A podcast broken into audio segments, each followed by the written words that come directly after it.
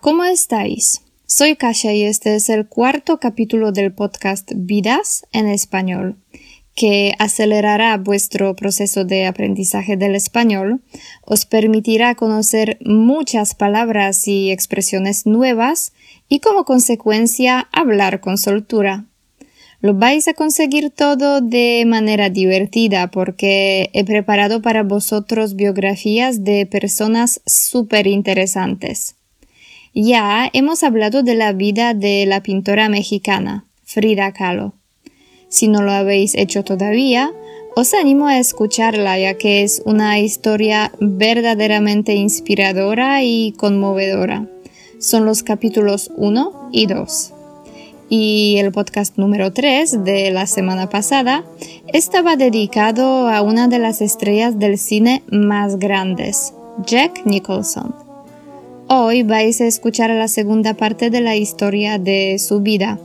Por eso, si todavía no habéis escuchado el capítulo 3, por favor, hacedlo y después volved aquí.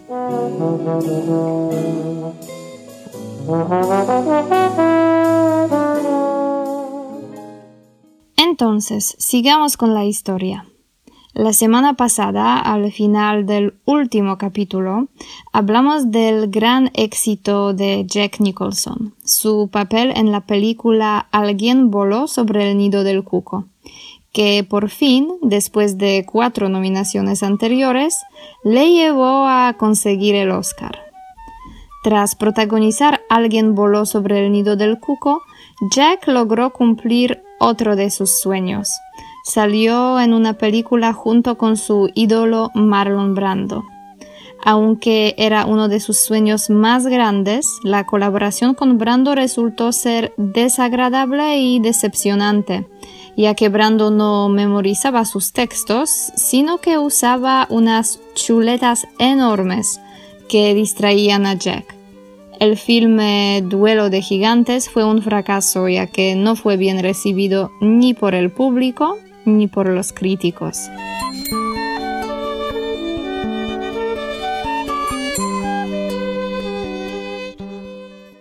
En aquella época, Jack y Angelica discutían, se separaban y volvían a juntarse.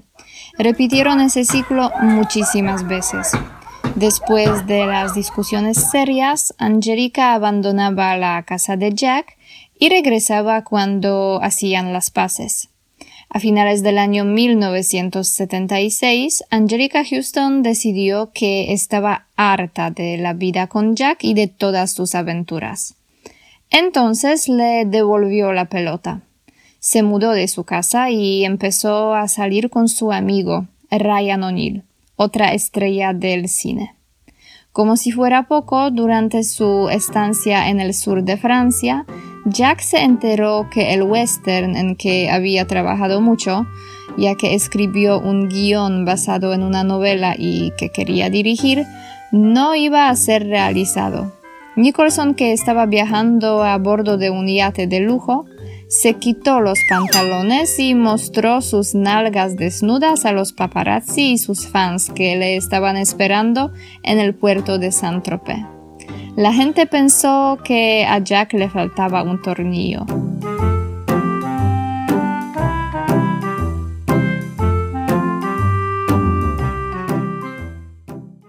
Nicholson deseaba descansar y sacudirse las moscas. Por eso fue a su casa en Aspen, que en aquella época era un lugar visitado por muchas personas del mundo del cine.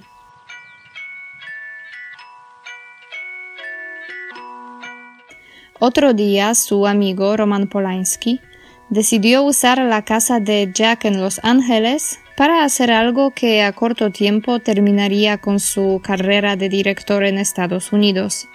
Fue a la casa con una niña de 13 años y tuvo sexo con ella. Cuando los dos estaban en casa, Angelica también apareció ahí para recoger algunas cosas que había dejado. Dijo a Polanski que llevara a la chica a casa. Aunque el director trataba de atar la lengua a la treceañera, su madre se enteró de todo y al día siguiente fue a la policía y le acusó por haber violado a su hija. La policía llegó a la casa de Nicholson, donde encontraron a Angelica que estaba ahí de nuevo. Encontraron también cocaína en su bolso y hachís en un cajón de uno de los dormitorios de la casa. Angelica fue detenida pero la dejaron libre después de pagar la fianza. Jack tuvo que enviar sus huellas dactilares a Los Ángeles para que la policía pudiera compararlas con las que habían encontrado sobre el paquete de hachís. Resultó que no eran las huellas dactilares de Nicholson. Jack y Angelica finalmente no fueron acusados de ningún delito. Probablemente sabéis que Roman Polanski abandonó los Estados Unidos cuando uno de sus amigos le informó que el juez había decidido condenarle a muchos años de cárcel.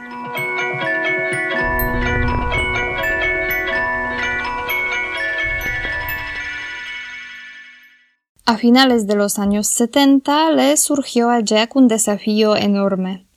Recibió una llamada de Stanley Kubrick que le ofreció el papel principal en una adaptación de la novela de Stephen King, El Resplandor, que se convertiría en una película de culto.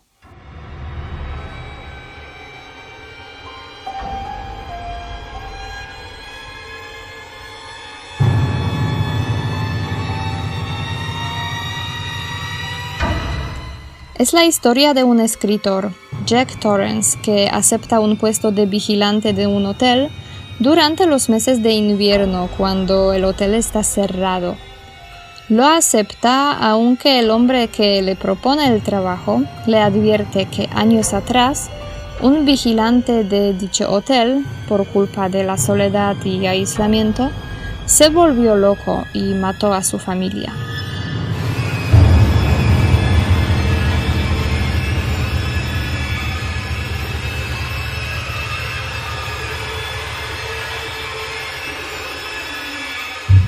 Jack estaba seguro que eso nunca podría pasarle a él, y junto con su mujer Wendy y su hijo Danny, van al hotel situado en las montañas de Colorado, a 40 kilómetros de la ciudad más cercana. Ahí, Danny comienza a percibir fuerzas oscuras del hotel, que interfieren cada vez más en la vida de sus habitantes.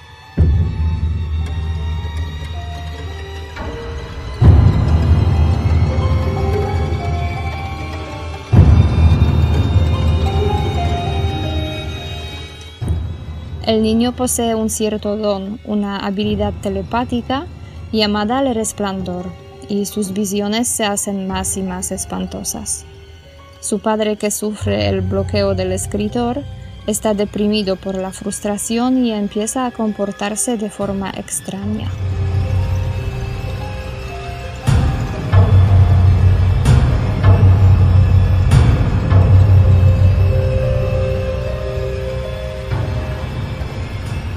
Un día, Wendy descubre que Jack estaba todo el tiempo escribiendo la misma frase en cientos de hojas. Solo trabajar y no jugar hace de Jack un chico aburrido. Cuando Jack entra en la habitación y ve a su mujer, se pone negro. Y si echáis un vistazo a Jack en ese momento, seguramente os daréis cuenta de que se había convertido en un psicópata un psicópata que en los minutos posteriores tratará de asesinar a los miembros de su familia e intentando derribar la puerta a hachazos logrará hacer un agujero, asomará la cabeza por él y gritará una de las frases más famosas del cine. Aquí está Johnny. No voy a revelar cómo termina la película. Si no lo habéis visto, hacedlo.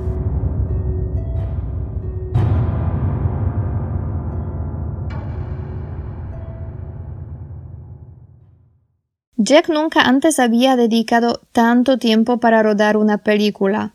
El proceso duró 10 meses. La cooperación con Stanley Kubrick no resultó ser fácil.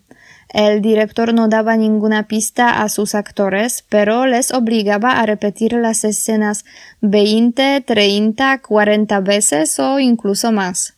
Pensaba que cansando a los actores al máximo iba a obtener el resultado esperado, la naturalidad.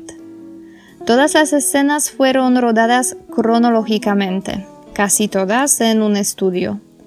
La nieve que se puede ver en la parte final es sal y polietileno espumado.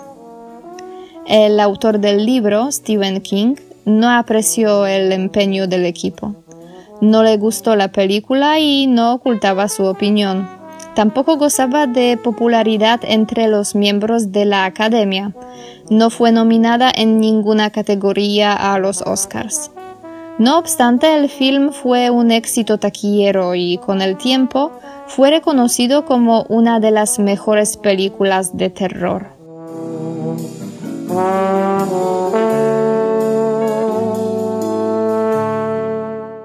Jack estaba agotado, quemado.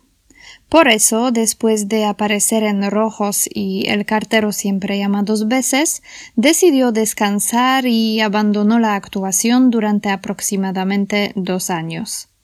Su novia, Angelica Houston, que también salió en la película El cartero siempre llama dos veces, Tuvo un accidente en mayo 1980.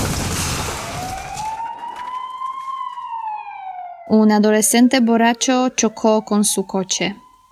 Tuvo cuatro fracturas en la nariz, pero por supuesto le ayudaron los mejores cirujanos plásticos y los efectos del accidente no eran visibles. Sin embargo, la situación le hizo pensar mucho en su vida. Angelica decidió abandonar la casa de Jack e iba a clases de actuación. Jack la apoyaba mucho.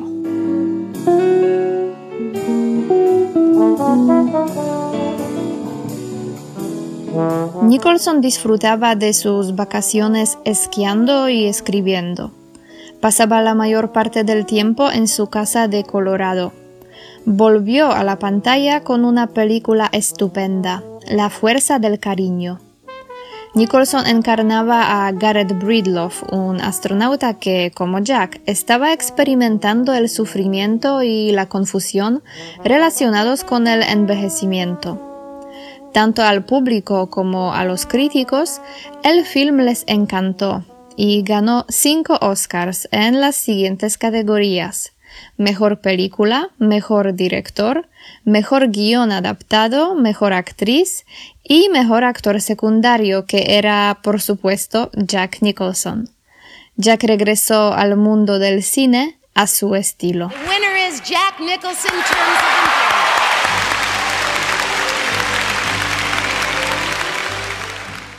En el año 1985, Jack, su novia Angélica y su padre se encontraron en el rodaje de la película El honor de los Prizzi, una comedia sobre la mafia que le trajo a Angélica su primer papel importante, después de haber interpretado papelitos pequeños en varias producciones. El film fue dirigido por su padre, John Huston, que entonces tenía 79 años y ya estaba muy enfermo.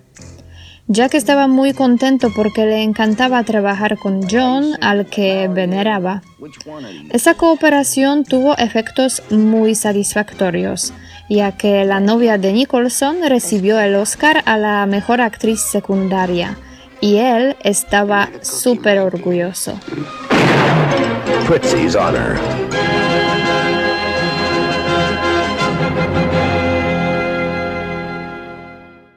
Desgraciadamente, en 1987, Jack tuvo que despedirse de uno de sus mejores amigos.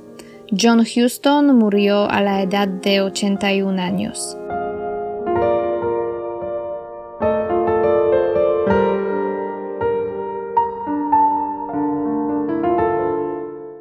Durante el entierro, Jack perdió el control y se echó a llorar desesperadamente. Muchos de sus amigos dicen que consideraba a John como una figura paterna.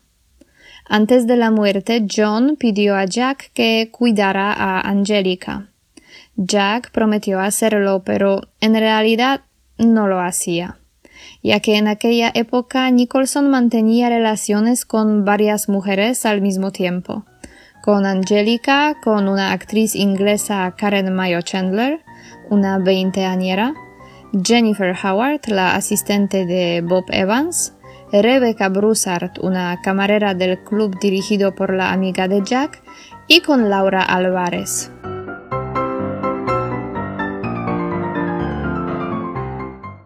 A finales de los años 90, Nicholson apareció en un par de películas. En Las Brujas de Eastwick con Cher, Susan Sarandon y Michelle Pfeiffer, en Tallo de Hierro con Meryl Streep y por supuesto en Batman, dirigido por el joven Tim Burton, en el papel de Joker. Gracias a esta producción ganó, ojo al dato, 60 millones de dólares. Sí, es verdad, desde hace algún tiempo Jack ganaba mucho dinero. ¿Y sabéis qué hacía con todo el dinero? Pues compraba cosas.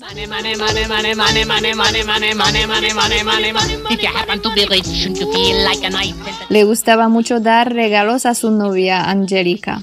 Tenía casas en lugares diferentes, en Aspen, en Bora Bora, en Los Ángeles, compraba coches y coleccionaba obras de arte.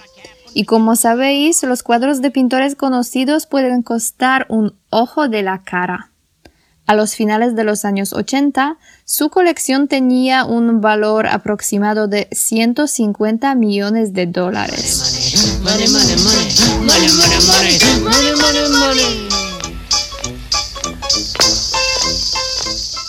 Como era de esperar, claro, con tantas mujeres, la situación empezó a complicarse. Rebecca se quedó embarazada y Mayo Chandler levantó la liebre. Publicó en Playboy una relación sobre su romance con Jack. El texto incluyó descripciones detalladas de las cosas que le gustaba hacer a Jack en la cama. Angélica estaba harta. Humillada y profundamente herida, decidió terminar con la relación que duraba ya 17 años. Por un corto periodo de tiempo, Jack trató de estar con otra de sus mujeres, Rebecca Broussard, y disfrutar de la vida familiar. En 1990 nació su hija, a la que dieron el nombre de la tía de Jack, Lorraine. Después de casi dos años, Rebecca dio a luz al segundo hijo de la pareja, Ray. Pero para Jack ya era demasiado tarde para llevar una vida normal como marido y padre regular. Estaba acostumbrado a cierto estilo de vida. Por eso incluso no compartía la vivienda con Rebecca. Le compró una casa que estaba situada muy cerca quería tener su propio espacio. Tampoco le pidió la mano y no dejó de ver otras mujeres. Al final Rebecca, que por cierto tenía 26 años menos que Nicholson, decidió dejarle y casarse con otro actor, un treintañero.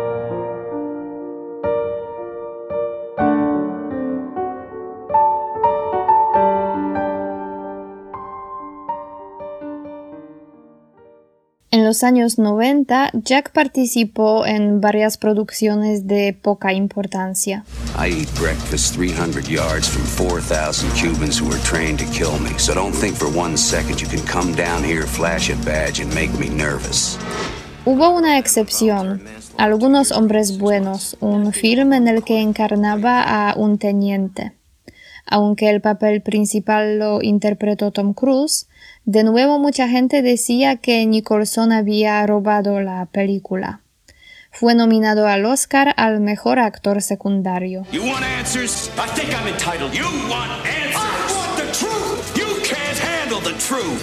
¿Y qué pasaba en la vida privada de Jack?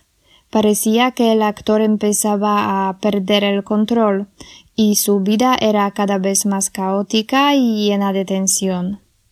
Una ex camarera de 29 años se quedó embarazada. Jack era el padre del niño. Prometió cubrir todos los gastos, pero no intentaba mantener una relación con la joven mujer. Jack se metía en líos muy serios. Tuvo un conflicto con Susan Anspach, la madre de su hijo Caleb, terminó en los juzgados.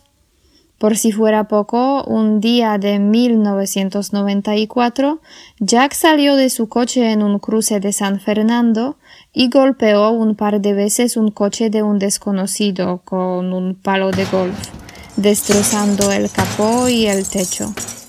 Dijo que aquel hombre le había cortado el paso y él estaba totalmente deprimido porque su amigo Harold Schneider había muerto el mismo día por la mañana. Este asunto también tuvo su final en los juzgados.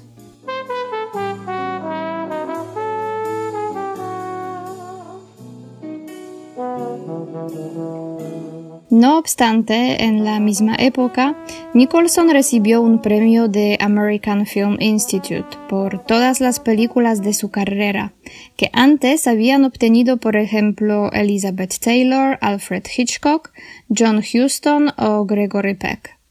Jack fue la persona más joven de todos los laureados.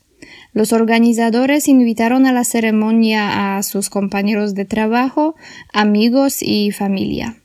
Sin embargo, se olvidaron de Susan Anspach y su hijo Caleb. Tampoco invitaron a Pamela Liddicott, la hermanastra de Jack, la hija de June que lo admiraba tanto cuando empezaba la carrera en el mundo del cine. Pamela de vez en cuando recibía unos préstamos de Jack para poder mantenerse, ya que tenía problemas con alcohol. Lamentablemente, no ser invitada a la ceremonia la deprimió muchísimo. Iba de bar en bar con su amiga y desapareció. Después la policía encontró su cuerpo con agujeros de balas.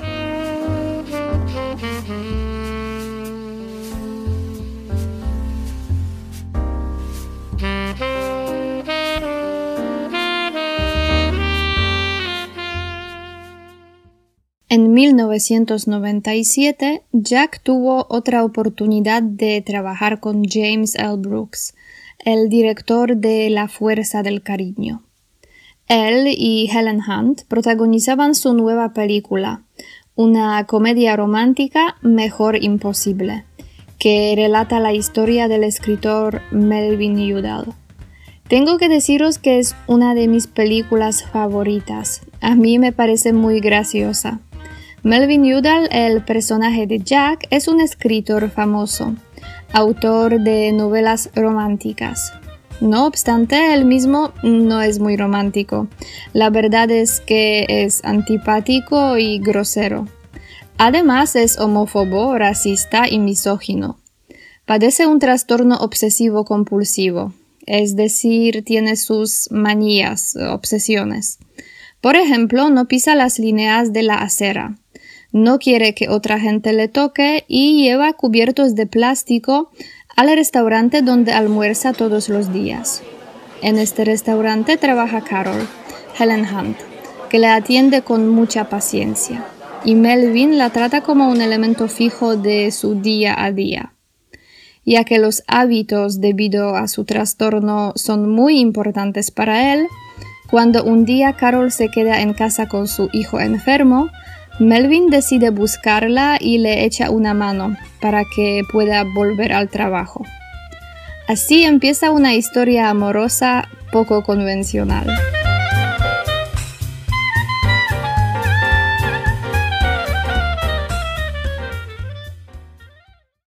En la historia hay otro personaje importante, Simon Bishop, encarnado por Greg Kinnear un vecino de Melvin, artista homosexual. Melvin, como un homófobo, lo tiene entre ceja y ceja, pero podemos decir que en algún momento está obligado a ayudarle, cuidando a su perro, que jugará un papel importante en la vida del escritor, metiéndose en su bolsillo rápidamente. ¿Qué más puedo deciros? Los tres personajes, Melvin, Carol y Simon, van de viaje juntos a Baltimore. El resto tenéis que descubrirlo vosotros mismos. De verdad es un largometraje que vale la pena ver.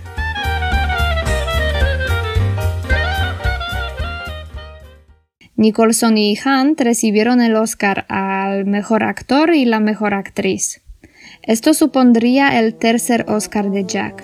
Solo hay una persona que obtuvo más, Catherine Hepburn, y solo dos que pueden igualarle con tres premios, Walter Brennan e Ingrid Bergman.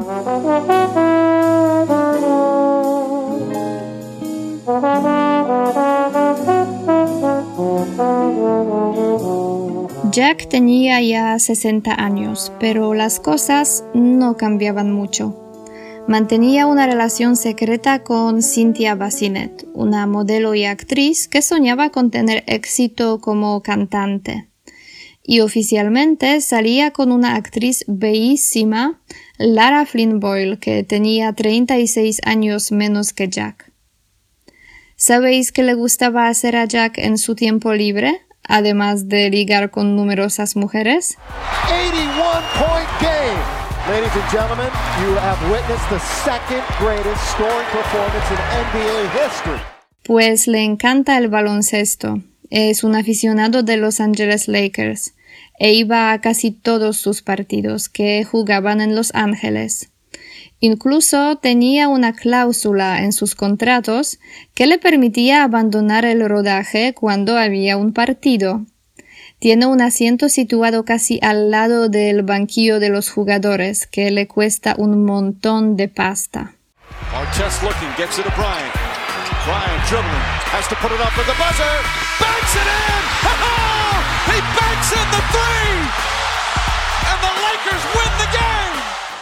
En 2001, acompañado por Lara Flynn Boyle, Nicholson fue a Rusia para el estreno de su película Asesino Oculto y ahí conoció al presidente Vladimir Putin, que alabó su talento.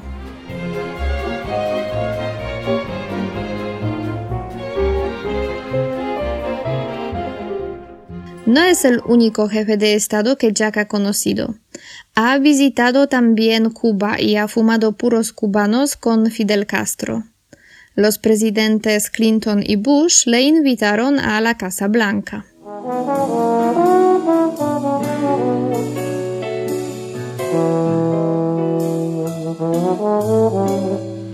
Aunque tenía 60 años, no dejaba de recibir propuestas interesantes. En 2002 apareció en el largometraje A propósito de Schmidt, en el que encarnaba a Warren Schmidt, un viudo jubilado de 60 años. Fue un éxito de público y de crítica. En aquella época, Jack todavía salía con Lara Flynn Boyle, pero no era nada estable. Los actores rompían y volvían a verse muchas veces, y al mismo tiempo iniciaban relaciones con otra gente. Sin embargo, por alguna razón, Jack no quería dejar de ver a Lara, que se comportaba igual que él en las relaciones con otras mujeres. Jack dijo, He tenido todo lo que un hombre podría pedir, pero no sé si alguien podría decir que tengo éxito con los asuntos del corazón.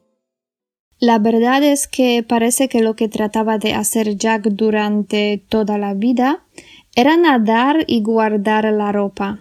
Eso quiere decir que no le gustaba estar solo y siempre quería tener a alguien a su lado, pero al mismo tiempo no pensaba renunciar a su independencia, su libertad y su estilo de vida. No consiguió dejarlo por nadie.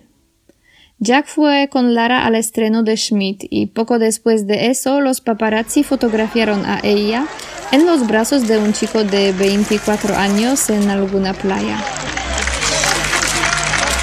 Tras intervenir en una película tan grande como A propósito de Schmidt, Jack decidió comprometerse con algo un poco más ligero y divertido.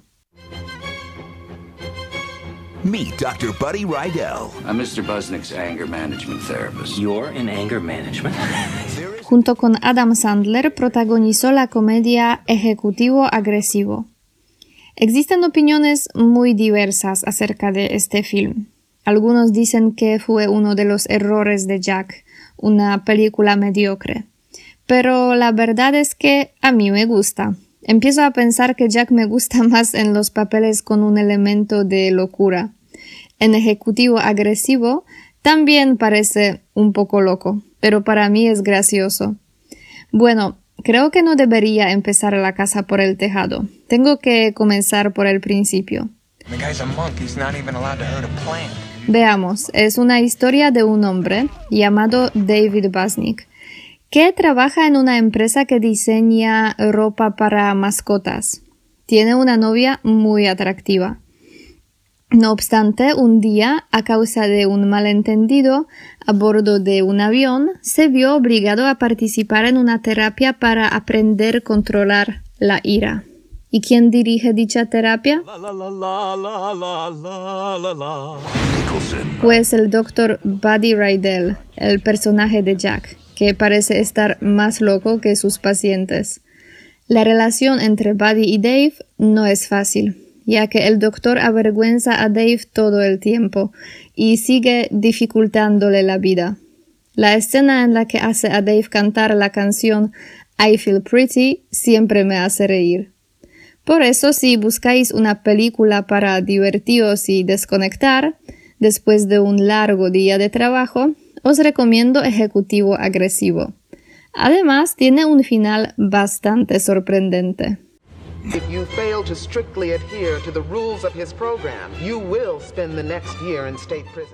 Ahora Jack tiene 81 años. En 2003 salió en Cuando menos te lo esperas con Diane Keaton. Entonces había cotillos sobre su romance. Después protagonizó Los Infiltrados y Ahora o Nunca con Morgan Freeman. Su última película fue ¿Cómo sabes si? en el año 2010. ¿Y por qué no apareció en ninguna producción desde 2010? Supuestamente tiene problemas graves con la memoria, pero su representante ha dicho que es solo un rumor.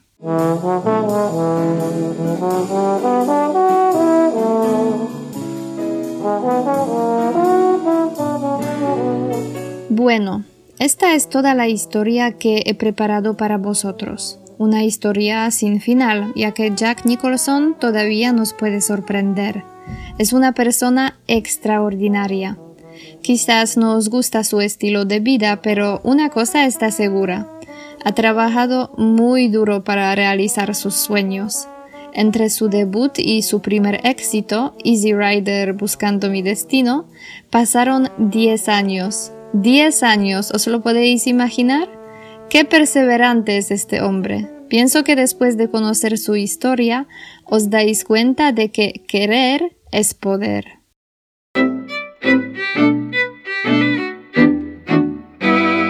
Ahora que ya todos estamos inspirados, vamos a la parte del vocabulario. Voy a explicar las palabras difíciles y útiles de la historia. Empezamos con la palabra decepcionante. Algo puede ser decepcionante cuando no responde a lo que hemos esperado y provoca desilusión. La chuleta. Vale, hablando de chuleta, no estoy pensando en una filete de carne que coméis los domingos, sino en estos papelitos que usan los estudiantes en los exámenes cuando no están bien preparados. También se llaman chuletas. Distraer. Este verbo en el contexto en el que lo he usado significa desconcentrar. Hacer las paces significa reconciliarse. Estar harto de algo significa estar cansado de algo fastidiado. Por si fuera poco, es una expresión que se usa muy a menudo cuando pasa algo malo y después ocurre algo que empeora la situación. Devolver la pelota. Es una expresión idiomática que significa responder a algo que hace otra persona de la misma manera. Faltarle un tornillo. Este modismo usamos para hablar de alguien que está loco. Sacudirse las moscas. Es otra expresión idiomática que significa desconectar, olvidar las preocupaciones. Atar la lengua.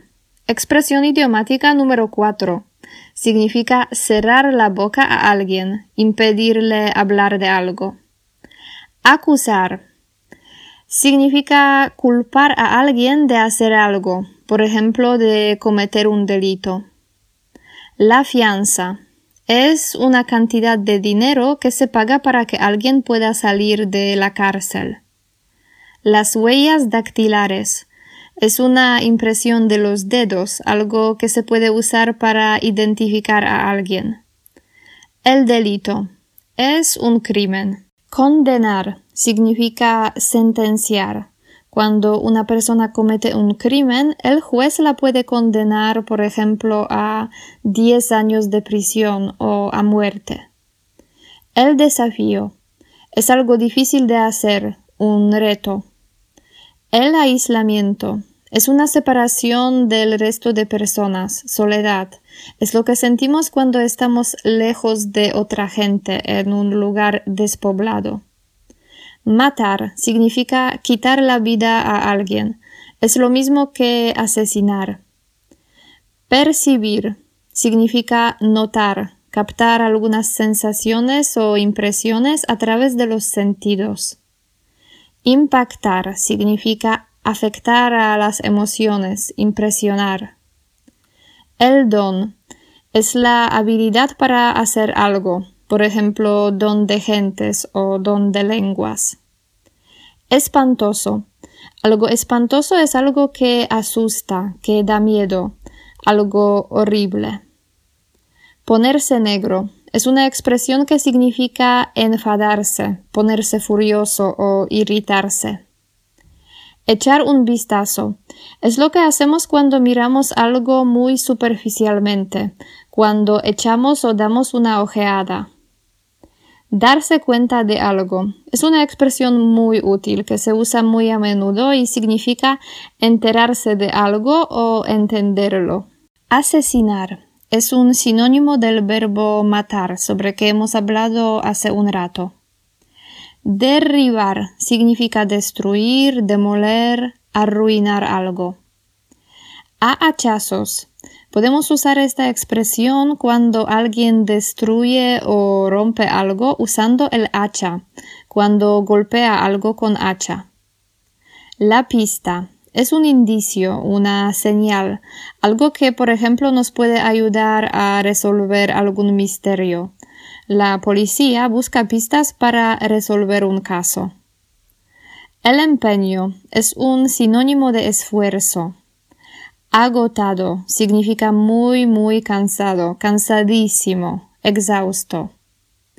Borracho una persona está borracha después de beber demasiado alcohol. Es lo mismo que ebrio. Chocar. Este verbo lo usamos cuando hablamos de dos cosas que se encuentran violentamente, se topan. Envejecer. Cuando una persona o una cosa envejece, significa que se hace mayor. Venerar es admirar a alguien, tener mucho respeto a alguna persona o adorarla. El entierro. Bueno, cuando alguien muere, se le organiza un entierro. Podemos decir que es el ritual de ponerle bajo de tierra. Costar un ojo de la cara. Es una expresión idiomática que quiere decir que algo cuesta muchísimo, que vale un montón de dinero. Levantar la liebre es otro modismo. Cuando decimos que alguien levantó la liebre, significa que reveló algún secreto. Humillado. Una persona puede sentirse humillada cuando alguien la ha avergonzado o la hizo sentir inferior. Meterse en líos. Un lío es un problema, alguna complicación. Entonces, cuando nos metemos en un lío, significa que nos complicamos, entramos en una situación difícil o desagradable.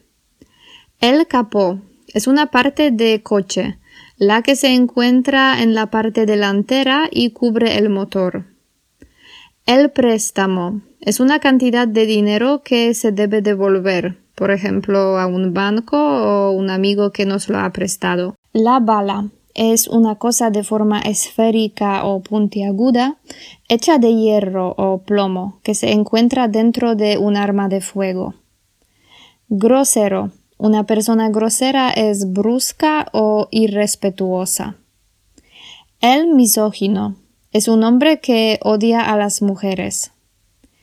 El trastorno es una enfermedad o más bien una alteración de la salud por ejemplo, algún problema psicológico, un trastorno mental. Fijo.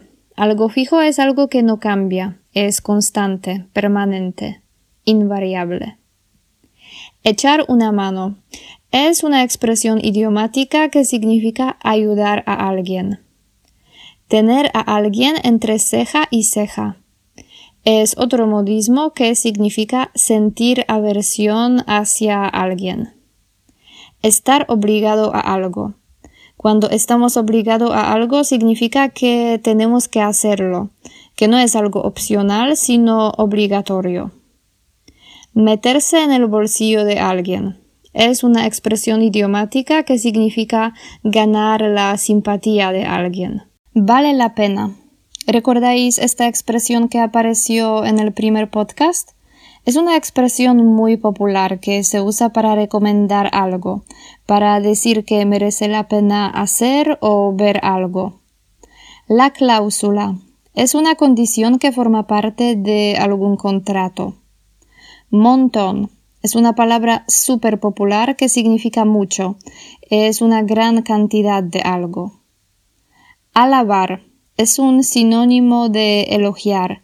Es una forma de manifestar la admiración o el aprecio. El puro es un cigarro. Los puros cubanos son muy populares. Nadar y guardar la ropa.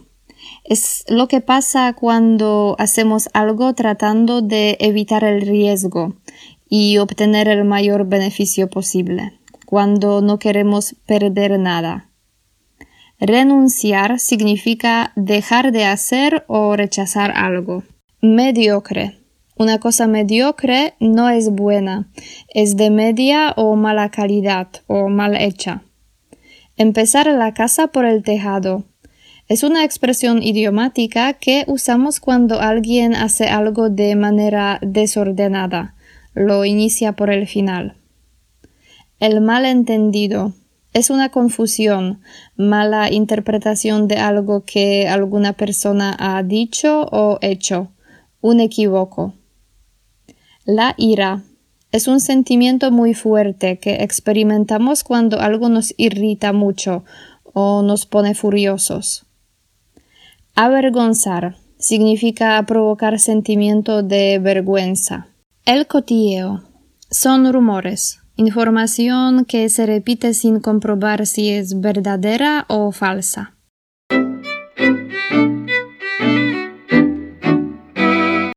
Uf, hay muchas palabras nuevas, ¿no?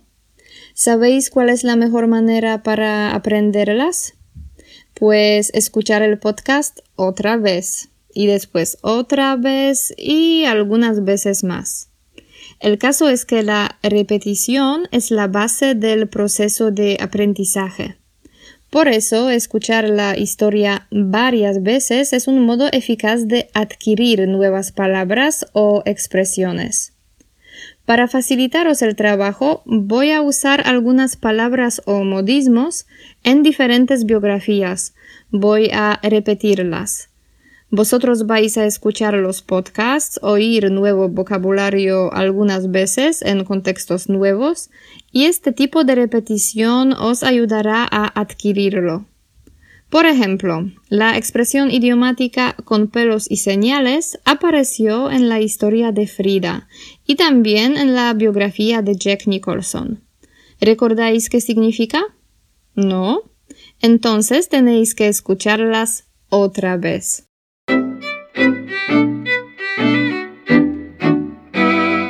En la página web del podcast www.vidasenespañol.com podéis encontrar un ejercicio, un test.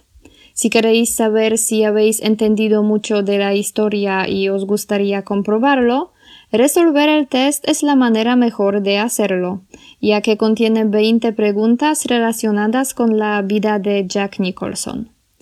Para la primera persona que logre conseguir por lo menos 18 puntos, tenemos un premio, la transcripción completa del podcast y ejercicios adicionales. Entonces, no tardéis en resolverlo.